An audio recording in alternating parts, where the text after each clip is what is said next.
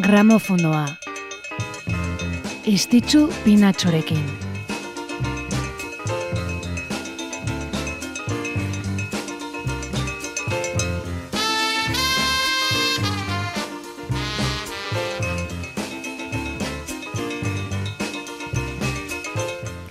Gabon, Gabon eta ongi etorri gramofonora. Hemen gaude, apirileko azken aste azken honetan, gramofonoan, naiz irratian, eh, musika efemeriden saioan dakizuen bezala. Zuen esperoan geunden hemen txintxo txintxo gaurko egunerako, apirilaren hogeita sei honetarako prestatu ditugun kantuak aditzeko gogoz. Arratxeko amarrak aletu dire erran bezala, gaurko egunekoak utzitakoak errepasatzeko tenorea dugu. Asgaitezen. When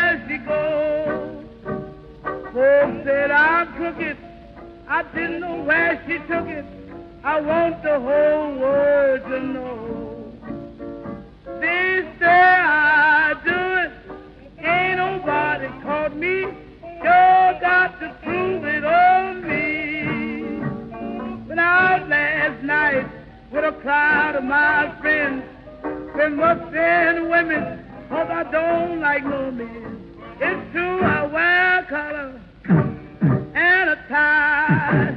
Make the wind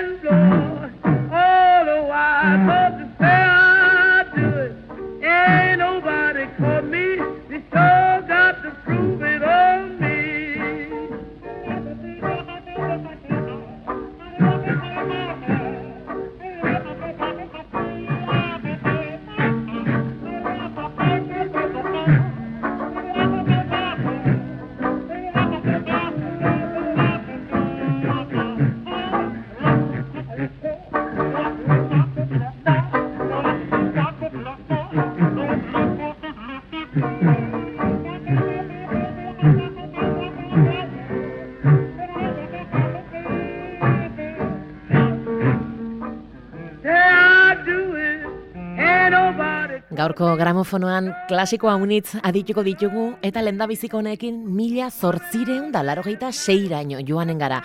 Eta ez dugu edozin artista aukeratu horretarako, eh? Bluesaren ama izan zenarekin egin dugu, ma ranirekin.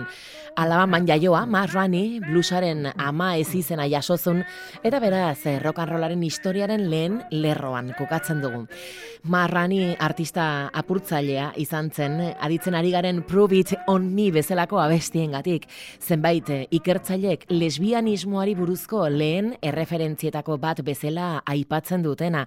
Izan ere, aditu dugun abestiak, mila bederatzerun da hogeita bortzean bere koristekin orgia batean parte hartzagatik atxilotu zutela erraten du. Etzen edonolakoa izan, marrani. Eun grabazio bino gehiago egin zituen, bino tamalez gazte zendu zen. Berrogeita amairu urterekin.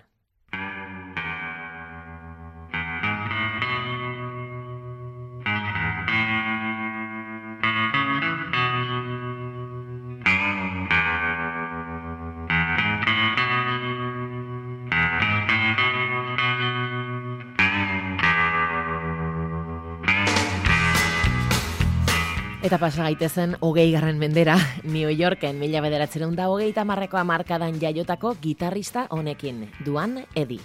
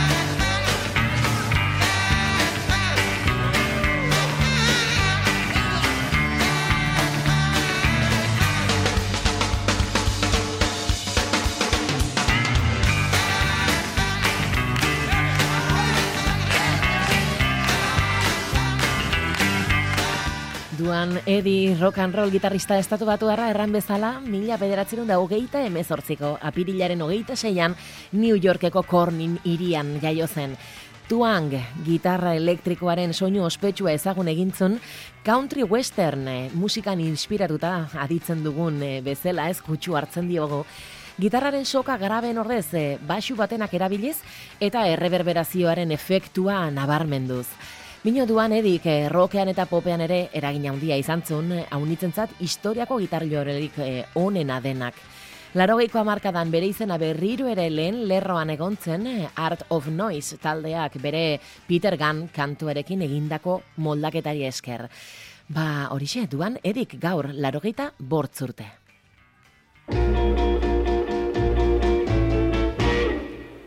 Only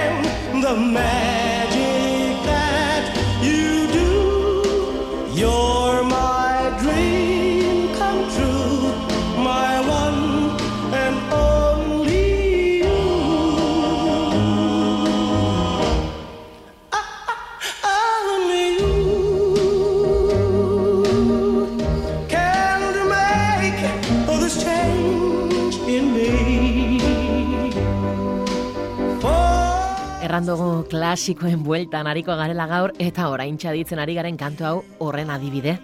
Hainbat saiakeraren ondotik, mila bederatzen da berrogeita mabortzeko apirilaren hogeita seian, Only You honek argia ikusizun, eta sekulako oi hartzuna izan zun gainera. Estatu batuetako Rhythm Blues zerrendetan zazpi aste segondu zen lehen postuan, Eta The Platters haotxe taldearen e, kantu hause eta ondotik kaleratu zuten The Great Pretender arrakastatxua Rock Around the Clock pelikulan agertu ziren. Oraindik are eta edapen gehiago lortuz.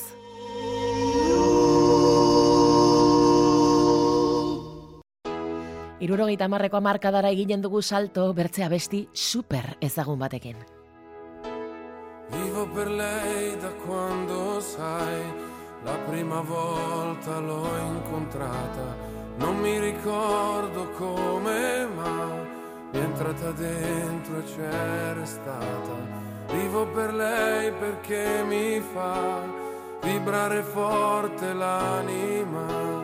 Vivo per lei e non è un peso. Vivo per lei, anch'io lo sai, e tu non esserne geloso lei è di tutti quelli che hanno un bisogno sempre acceso, come uno stereo in camera di chi è da solo adesso sa che anche per lui, per questo io vivo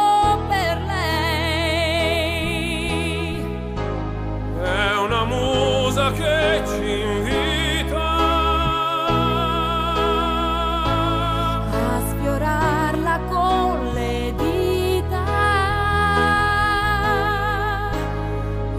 attraverso un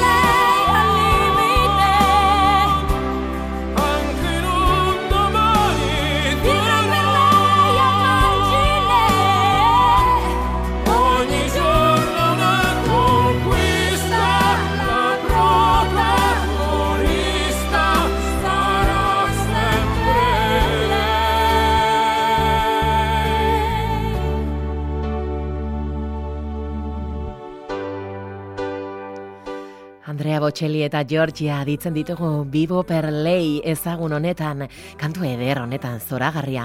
Georgia abeslari, kompositore irratia aurkezle eta musika ekoizle italiarra zoriondu nahi dugulako. Italiako musika panoramako ahots haundienetako bat da bera. Bere ibilbide osoan 6 milioi kopia inguru saldu dituna. Georgiak berrogita amabi gaur. la vivo, la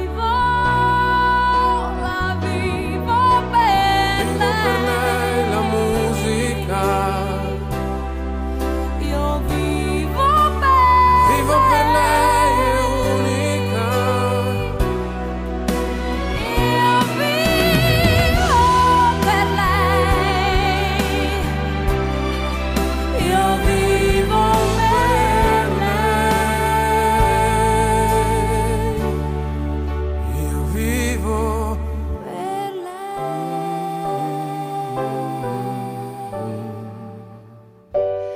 Eta ezkara irurogeita marrako amarkadatik mugituko bino Italiatik erresuma batura joanen gara. Nerina Palot, abeslari eta kompositorea ere zoriontzeko. Five o'clock and a fire escape symphony spilling out across the road and the square. And the sky's the same as your own. Do you think of me? Do the parks and trees and the leaves reach you there after the rain? In the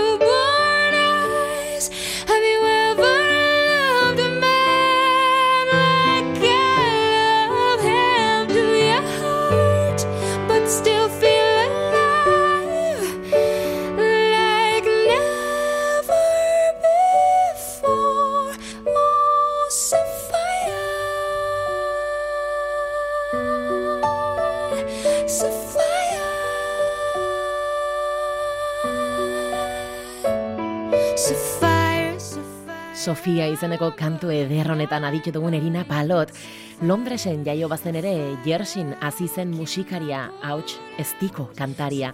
Estudioko zortzi disko ditu merkatuan, azkena iaz argitaratua, I don't know what I am doing, ez dakit zertan ari naizen.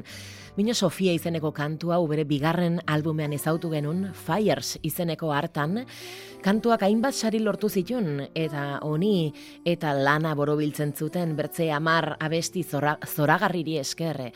Erresumo batuan, eun mila disko bino gehiago saldu ziren, eta urrezko diskoa izatea lortu zuen. Berrogeita zortzi gaur, nerina palotek. Gramofonoa, istitzu pinatxorekin. Gramofona jarraitzen dugu bai eta bertzea hots zoragarri batekin eginen dugu. Gaurko egunekoa delako baitare Karo Emeralde Amsterdameko jazz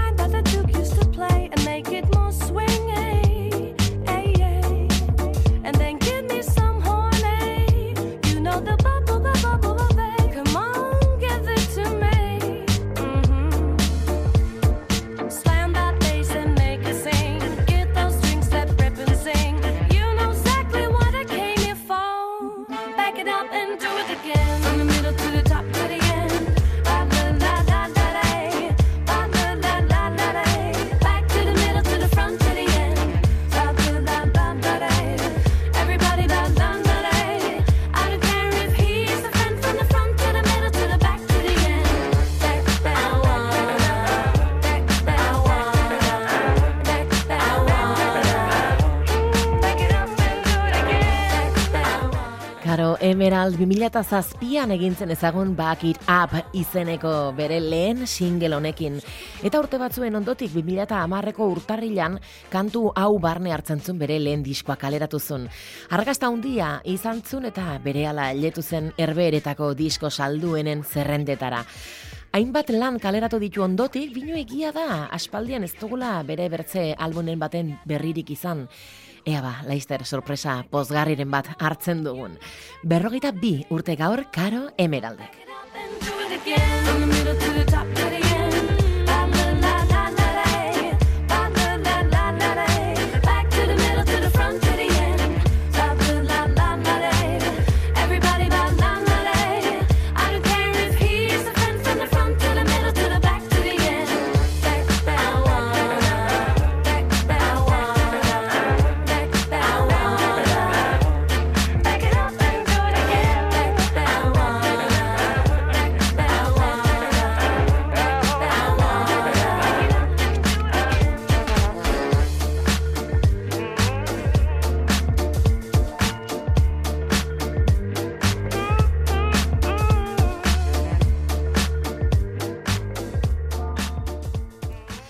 Eta gaur, klasikoen artean mugituko ginela erran dizuet saioaren hasieran.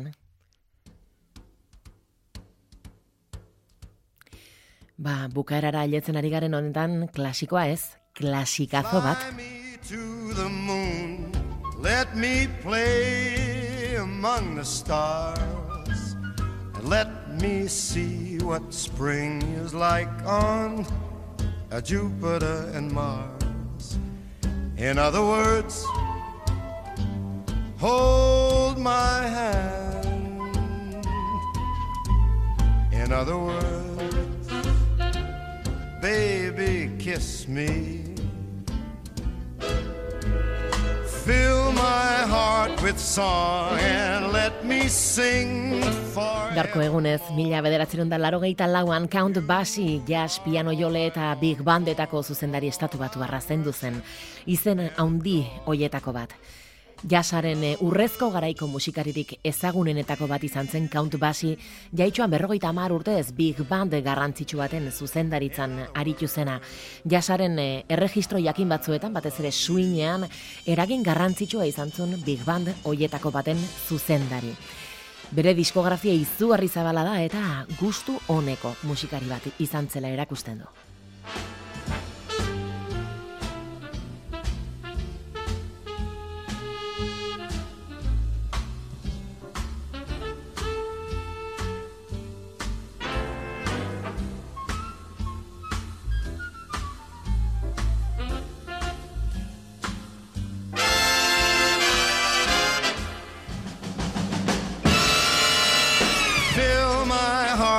Song. Let me sing forevermore.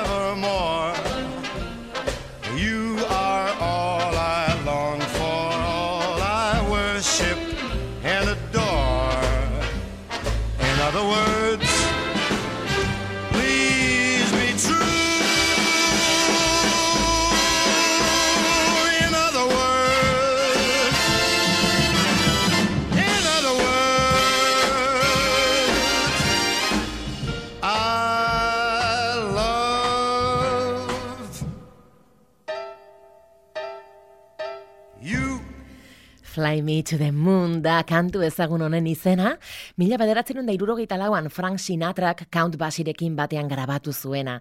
Ez ziren lehenbizikoak izan, eh, kantu hau grabatzen, bino ziurrenik hause izanen da abesti honen bertsiorik ezagunena. Gainera, Sinatra eta Basiren grabazio hau NASAren eh, Apollo amar misioan erreproduzitu zuten, eta beraz, ilargian inoiz entzundako lehen abestia izan zen Fly Me to the Moon. Bas Aldrin astronautak kasete batean erreproduzitu zuenean ilargia zapaldu ondotik. Urte batzuk beranduago, Apollo amekaren espedizioan berriro ere errepikatu zen ekintza hau, berriro ere Fly Me to the Moon aditu zen ilargian. Eta horregatik, 2008an Diana Krolek abesti zoragarri hause kantatu zuen Neil Armstrong astronautaren eh, oroimenez egindako ekitaldian.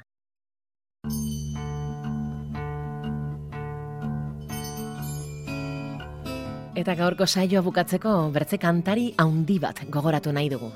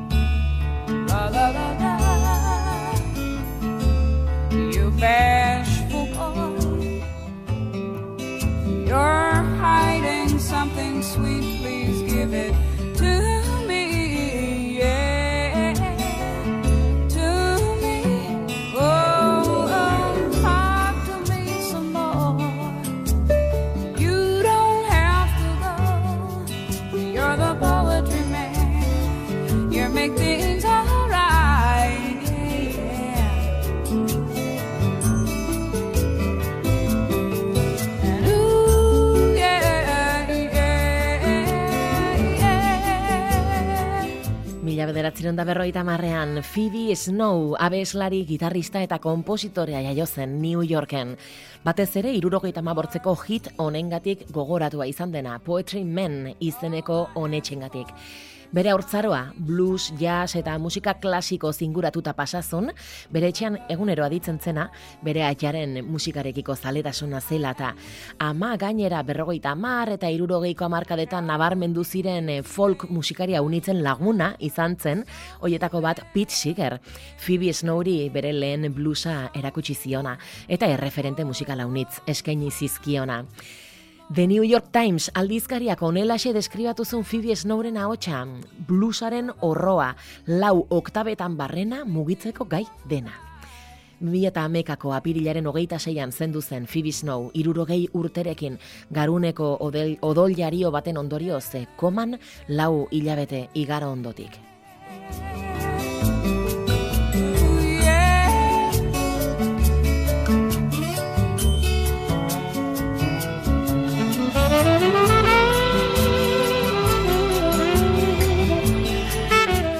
Eta guri saioa agurtzeko tenore ailetu zaigu, urrengo astean ere, hemen izanen gara, amets goxoak izan ditazuela, Gabon.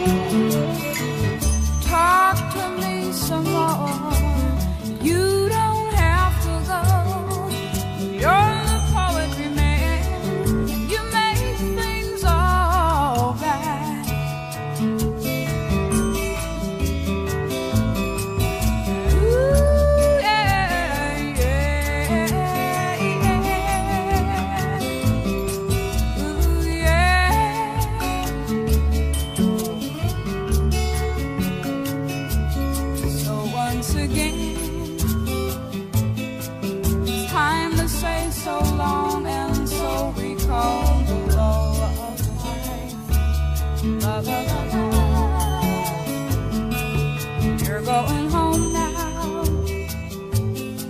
Well, home's that place somewhere you go each day to see you wife.